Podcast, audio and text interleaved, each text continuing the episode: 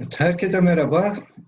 Turkey Beyond Borders seminerlerinin bu bölümünde Türkiye'de siyasal rejimin ıı, dönüşümünü ele alacağız. Kısaca kendimi tanıtayım önce izninizle. Adım Serdar Tekin. Siyaset teorisi alanında çalışıyorum. Akademisyenim. Yaklaşık 4 yıl öncesine kadar Ege Üniversitesi Felsefe bölümünde öğretim üyesiydim. Barış için Akademisyenler Bildirisi'nin imzacılarından ıı, birisiyim. Bu nedenle de olağanüstü hal döneminde kanun hükmünde kararnameyle üniversiteden ihraç edildim. Birçok başka ıı, imzacı akademisyenle birlikte. İhraçtan sonra yine benim gibi ihraç edilmiş bir grup imzacı arkadaşımızla beraber Türkiye İnsan Hakları Vakfı bünyesinde TİHİV Akademi adını verdiğimiz bir çalışma grubu oluşturduk hem akademik çalışmalarımızı hem insan hakları savunuculuğu faaliyetlerimizi bugün de hala ıı, TİV Akademi bünyesinde sürdürüyoruz. Dediğim gibi benim bugün ıı, burada sizinle birlikte ele almak ve üstüne düşünmek istediğim ıı, sorun Türkiye'de siyasal rejimin dönüşümü meselesi. Daha spesifik olarak bu dönüşümün veya bu dönüşüm süreci içinde şekillenen yeni rejimin mahiyeti nasıl bir rejim olduğu sorusu. Bu birinci videoda Türkiye'deki rejim dönüşümünü anlamak açısından bana son derece faydalı görünen, hatta ufuk açıcı görünen bir kuramsal çerçeveyi takdim etmeye çalışacağım öncelikle. Bir sonraki videoda ise bu kuramsal çerçeveden hareketle ve daha doğrudan bir biçimde Türkiye üzerine konuşacağız. Bahsettiğim kuramsal yaklaşım ne? Ernst Frankel'ın ikili devlet kavramı aynı adlı kitaba dayan, bu kuramsal yaklaşım. Frankl ikili devlet kavramını 1933'ten itibaren yani Nazilerin iktidara gelişini takip eden dönemde Almanya'nın siyasal rejimine ve bu siyasal rejim çerçevesinde hukukun ve devletin dönüşümünü tasvir etmek için, tahlil etmek için kullanıyor ilk olarak. Söylediği şey kabaca veya ana fikri itibariyle şu. Bir yanda diyor Frankl, işleri iyi kötü mevcut yasalara göre yürütmeyi sürdüren bir olağan devlet var. Buna norm devleti diyor. Almancası Normenstaat. Alacak verecek davalarına bakan mahkemelerin, olağan uyuşmazlıkları çözümleyen yargı organlarının, yürürlükteki mevzuat uyarınca işlemlerini yapan kurumların oluşturduğu devlet bu. Gündelik yaşamı düzenleyen devlet yani. Diğer yanda ise ama kendini hiçbir biçimde hukukla bağlı saymayan bir devlet var. Yasanın dışında ve üstünde hareket eden, normla değil kararla iş gören, siyasi durumun icaplarına göre yasanın yasakladığı şeyleri yapabilen veya yasanın yapılmasını emrettiği şeyleri yapmayı reddedebilen bir devlet. Fiili bir devlet yani. Frankl buna da tedbir devleti diyor. Maßnahmenstaat. Şimdi tedbir devletinin üç temel özelliği olduğunu söylemek mümkün. Nedir bunlar? Birincisi dediğim gibi hukuk dışında hareket edebilmesi. İkincisi ve en az bunun kadar önemli olan bir başka özelliği tedbir devletinin hukuk dışındaki hareketinin alenen gerçekleşiyor olması. Yani hukuksuzluğun alenen yapılması. Dolayısıyla diyelim ki derin devletten veya bir örtülü operasyon aygıtından söz etmiyoruz tedbir devlet derken. Neden söz ediyoruz? Resmi kurumlar aracılığıyla hukuk dışı işlemler tesis edebilen aleni bir güçten söz ediyoruz. Bu ikinci temel özelliği. Üçüncü bir özelliği daha var. O da meşruiyetini veya meşruiyetinin önemli bir kısmını diyelim, siyasal meşruiyetinin önemli bir kısmını daimi bir beka seferberliği, bir varoluşsal güvenlik seferberliği yaratabilmesinden alıyor tedbir devlet. Yani aslında bir tür kalıcı olağanüstü hal devleti veya tersinden söylersek olağanüstü hali geçici dönemler için öngörülen olağanüstü hali kalıcılaştıran bir devlet. Franklin 1933'ten itibaren Almanya'da gördüğü şey norm devleti ve tedbir devleti adını verdiği bu iki yönetim sisteminin eş zamanlı olarak bir arada var olmaları, giderek iç içe geçmeleri ve nihayet tek bir rejim oluşturmaları, tek bir rejim olarak iş görmeleri. Kitabın yazılış hikayesi hayli ilginç. Kısa bir parantez açıp ondan da biraz söz edeyim isterseniz. Kili devlet fikri ilk olarak Frankl'ın kendi günlük hayatında, gündelik hayatında şekillenmeye başlıyor. Neden böyle olduğunu anlamak güç değil elbette. Çünkü Frankl bir Yahudi. Aynı zamanda bir sosyalist. Dolayısıyla doğrudan doğruya Nazi tedbir devletinin hedef tahtasında olan toplumsal gruplara mensup.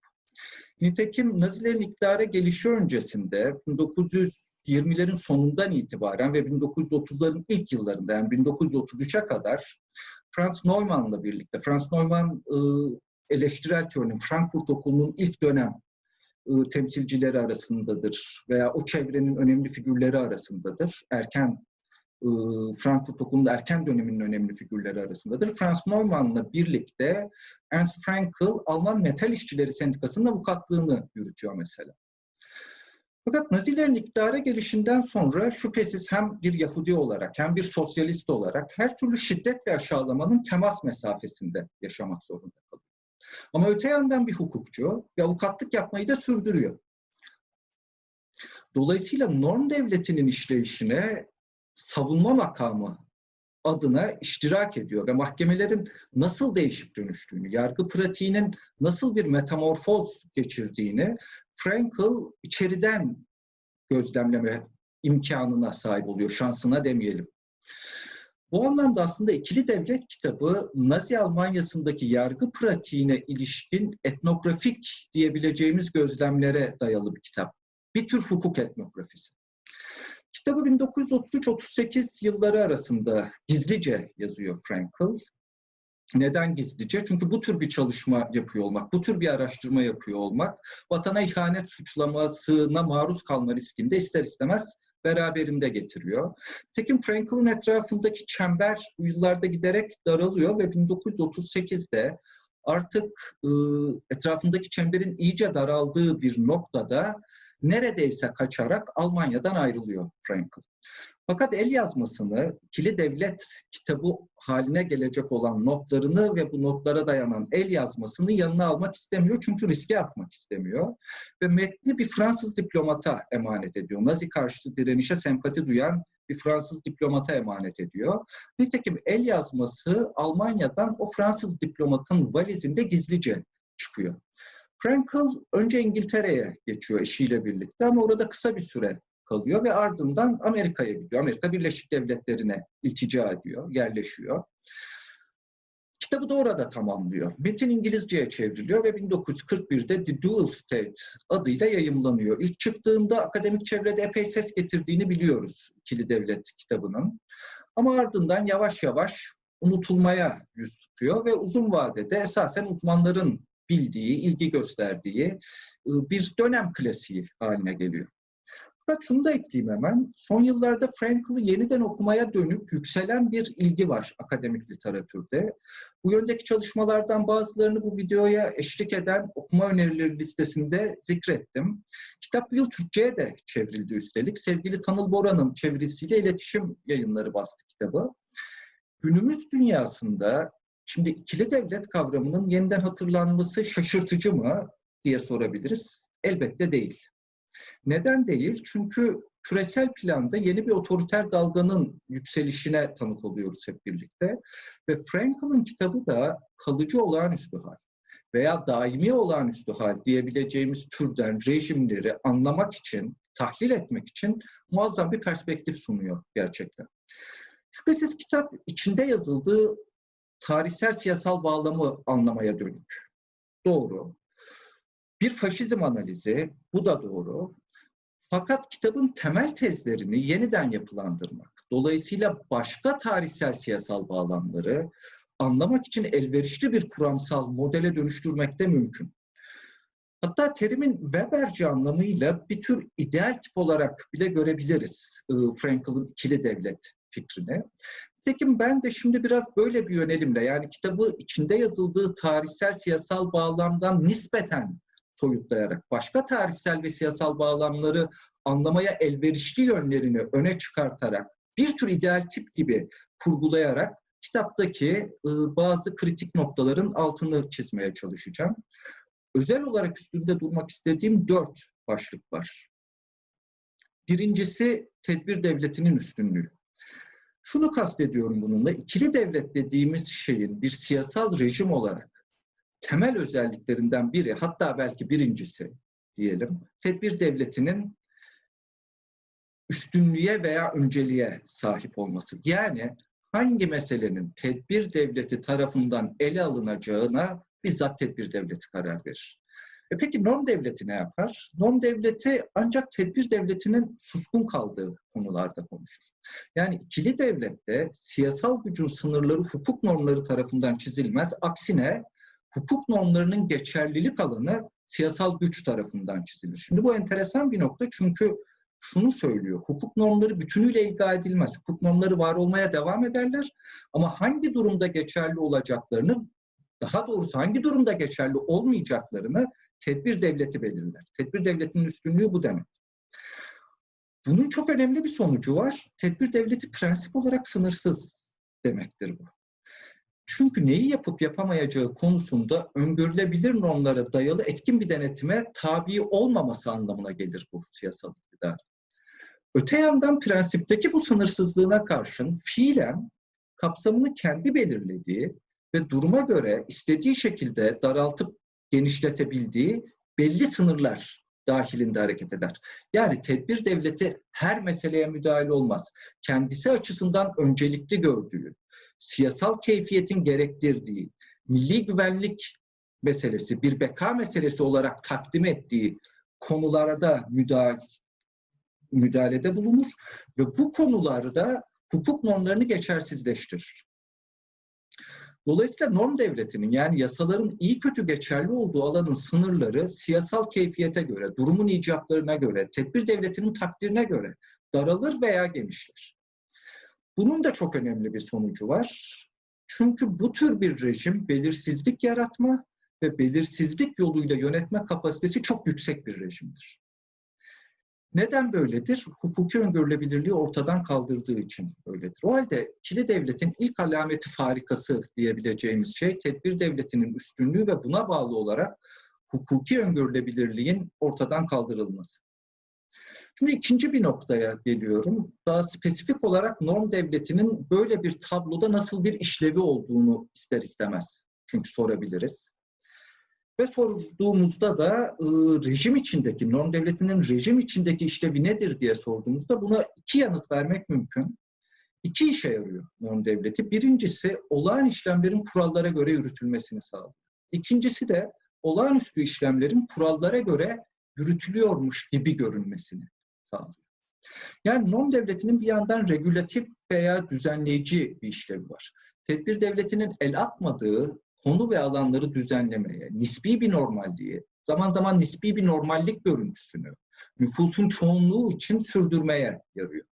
Tedbir devletinin hedefinde olmayan kesimlerin gündelik hayatlarına devam edebilmelerini mümkün kılıyor norm devleti. Bu regülatif işlev rejimin toplumsal meşruiyeti ve rıza üretme kapasitesi açısından son derece önemli elbette. Çünkü gündelik yaşamın sürdürülebilmesini tabiri caizse çarkın dönmesini sağlıyor bu şekilde norm. Nihayetinde diyelim bir trafik kazası yaptığınızda, sigorta şirketiyle aranızda bir uyuşmazlık çıktığında sigorta şirketini dava edebilmeniz gerekir. Mahkemenin bir karar vermesi gerekir. O kararın uygulanması ve sizin alacağınızı nihayetinde tahsil edebilmeniz gerekir. Şimdi bu tür işlevlerin yerine getirilmediği koşullarda hiçbir rejim toplumsal meşruiyetini orta ve uzun vadede sürdüremez. Dolayısıyla norm devletinin birinci işlevi tedbir devletinin hedefinde olmayan kesimler açısından gündelik hayatın üç aşağı beş yukarı nispi bir normallik çerçevesinde devam etmesini sağlamak. Ama ikinci bir işlevi daha var. ideolojik bir işlevi de var norm devletinin. Tedbir devletini gerektiğinde hukuk kisvesine büründürmek. Ki bu da rejimin toplumsal meşruiyetinden farklı olarak siyasal meşruiyeti açısından son derece mühim. İşte diyelim seçim sonuçlarını tanımak istemediğinizde bunun nedeni sizin yenilmiş olmanız değildir de diyelim Yüksek Seçim Kurulu'nun ıı, usulsüzlük tespit, ıı, tespit etmiş olmasıdır mesela. Ha, tedbir devleti işlemlerinin hukuk kisvesine büründürülmesini ikna edici bulmayabiliriz. Ama rejimin buna ihtiyaç duyduğu noktalarda hiç yoktan iyidir. İşlerin hukuk dairesinde yürüdüğünü söyleyebilmek, ıı, bağımsız yargının takdiri diyebilmek, yargı süreci devam ediyor diyebilmek, rejimi bu tür noktalarda ne diyelim siyasal meşruiyetini korumasına el verecek bir imkan, bir rezerv olarak orada bulunmaya devam eder. Sonuç olarak norm devleti ikili devletin sürekliliğini sağlayan istikrar örüntüleri yaratma işlevine sahip. Hem toplumsal alanı düzenlemek anlamında hem de tedbir devleti işlemlerinin gerektiğinde hukuk kisvesine büründürülebilmesi anlamında. Bu, bu ikinci temel özelliği. ikili devlet dediğimiz e, rejim tipini. Şimdi üçüncü bir noktaya işaret edeceğim. Frankl bunu çok sistematik olarak işlemiyor kitapta ama bence yaptığı analizin en kritik veçelerinden biri ve aynı zamanda Türkiye'yi anlamak açısından, Türkiye'de son yıllarda gerçekleşen dönüşümün örüntülerini görmek açısından da son derece elverişli olan kavramsal unsurlarından biri bu Frankl'ın analizinin. Norm devleti ve tedbir devleti illa kendine özgü organları olan, ne diyelim, ayrı kurumsal yapılar halinde örgütlenmek zorunda değiller. Aksine bunlar aynı kurumsal gerçekliği paylaşabilirler, aynı kurumlarda ikamet edebilirler. Başka bir deyişle bir tür kurumsal sembiyoz halinde bulunabilirler ve nitekim de böyle bulunurlar. Şimdi ne kastediyorum bununla? Bir mahkeme mesela norm devletinin aktörü olarak çalışır ve olağan uyuşmazlıkları çözümler. Önüne gelen davayı mevcut yasalara göre görür ve çözüme bağlar. Diyelim ki işte mülkiyet uyuşmazlıklarında mülkiyet hakkı uyarınca bir karar verir ve o karar uygulanır. Ama yeri geldiğinde bambaşka bir biçimde davranabilir aynı mahkeme. Yahudilerin, komünistlerin veya KHK'lıların mallarına el konmasında hukuka aykırılık olmadığına karar verebilir. Yani bazı işlerini norm devletinin organı veya aktörü olarak, başka bazı işlerini tedbir devletinin organı veya aktörü olarak yerine getirir. Aynı şeyi mesela Türkiye'nin yine yakın tarihini, sürmekte olan yakın tarihini, üniversite tasfiyelerini hatırlayalım ve bu tasfiyelerde üniversite rektörlerinin oynadığı rolü hatırlayalım. Şimdi bu rektörler bir yandan olan görevlerini yapıyorlardı. Sabahleyin diyelim ki işte öğrenci değişim programları ile ilgili protokolleri hazırlıyorlardı veya imzalıyorlardı. Ama aynı rektörler öğleden sonra işraç listeleri hazırlıyorlardı. Dolayısıyla günün bir kısmını norm, de, norm devletinin aktörü veya faili olarak bir başka kısmını ise tedbir devletinin aktörü veya faili olarak geçiriyorlardı. Dolayısıyla norm devleti ve tedbir devleti dediğimizde illa farklı kurumlara değil, kendine özgülenmiş organlara sahip iki ayrı kurumsal şebekeye değil, fakat bir ve aynı kurumların, bir ve aynı devlet organlarının iki farklı işleyiş tarzını, rejimin iki ayrı operasyonel tipine işaret ediyoruz veya en azından ikili devlet fikrini böyle düşünmek mümkün ve bana sorarsanız ikili devleti böyle kurguladığımız takdirde en azından Türkiye'de meydana gelen ıı, değişimi, dönüşümü anlamak açısından da daha elverişli bir perspektife yerleşmiş oluruz. Bunun detaylarını bir sonraki videoda konuşacağız. Son bir nokta var. İkili devletin bir tür gene Weberci anlamda ideal tip olarak kurgulanması ile ilgili benim altını çizmek istediğim. İkili devlet statik bir gerçeklik değil, aksine dinamik bir süreç. Norm devleti ve tedbir devleti arasındaki ilişkiler bakımından bu dinamik sürecin yine iki veçesi olduğunu söyleyebiliriz. Bunlardan biri adaptasyon veya uyumlanma, diğeri ise tansiyon veya gerilim. Şimdi Frankl'ın Almanya'da incelediği süreç tansiyondan adaptasyona doğru seyreden bir süreç. Kabaca söylersek adaptasyon şu anlama geliyor. Norm devletinin tedbir devletiyle birlikte çalışmaya alışması anlamına geliyor. İkili devlet rejimi konsolide oldukça norm devletinin tedbir devletiyle adaptasyonu artıyor. Doğal olarak artıyor ve bunun da kendine özgü elbette işleyiş mekanizmaları var.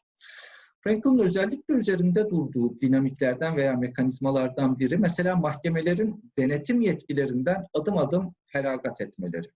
Kitaptan bir örnek aktarayım bu noktada. Dolaylı komünizm içtihadı, ünlü bir içtihattır bu. Almanya'da 1933'te biliyorsunuz Naziler olağanüstü hal koşullarında iktidara yerleşiyorlar. Meclis binası kundaklanıyor, Reichstag yangını. Komünistler suçlanıyor bu yangınla ilgili olarak ve komünist tehdidi bertaraf etmek üzere olağanüstü hal ilan ediliyor. Fakat bu süreçte mesela bazı Katolik kiliselerin mallarına da el konuyor. Partiyle geçimsiz protestan cemaatler veya Yahova şahitleri gibi gruplar da tedbir devleti uygulamalarından, pratiklerinden nasiplerine düşeni alıyorlar. Ve bir süre sonra bu kişiler ve gruplar, Hristiyan cemaatler mahkemelere başvurmaya başlıyorlar ve diyorlar ki basitçe ve haklı olarak biz komünist değiliz.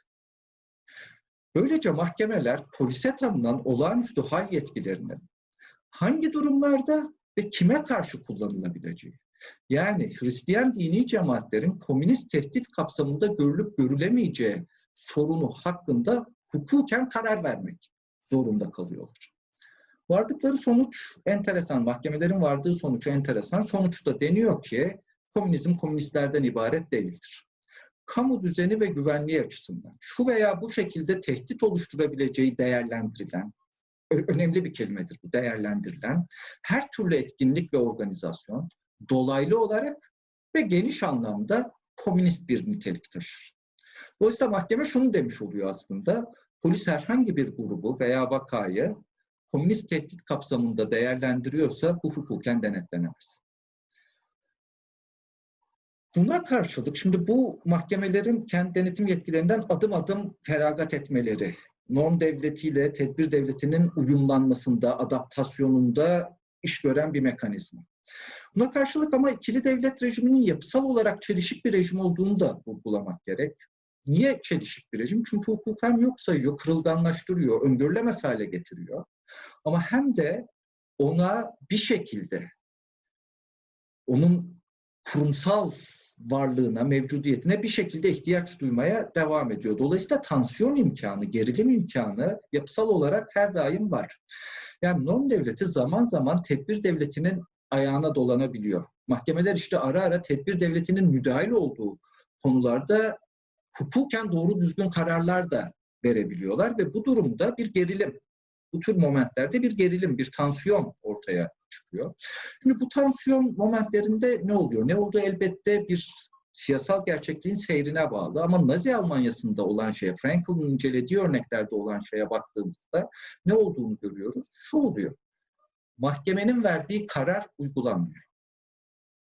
Bu da bir başka mekanizma. Birincisine yani mahkemelerin kendi denetim yetkilerinden adım adım vazgeçmelerine eğer hizaya girme diyecek olursak bu ikincisine de hizaya sokma mekanizması diyebiliriz. Tedbir devleti norm devletini hizaya sokuyor. Ne tür vakalarda? E işte mesela hapisteki bir kişi hakkında, tutuklu yargılanan bir kişi hakkında tahliye kararı verilmiştir ama kişi cezaevinden çıkamıyor. Cezaevi müdürlüğü mahkemenin kararını uygulamıyor. Şimdi bu elbette bizim için de yani yeni Türkiye'nin yargı pratiğine tanık olan, maruz kalan insanlar için de son derece tanıdık bir durum elbette. Ve ikinci videomuzda e, Türkiye demişken burada bitirmekte fayda var. İkinci videomuzda ikili devlet perspektifinden hareketle Türkiye'nin geçirmekte olduğu bu rejim dönüşümünü daha yakından mercek altına almaya çalışacağız. Görüşmek üzere diyorum.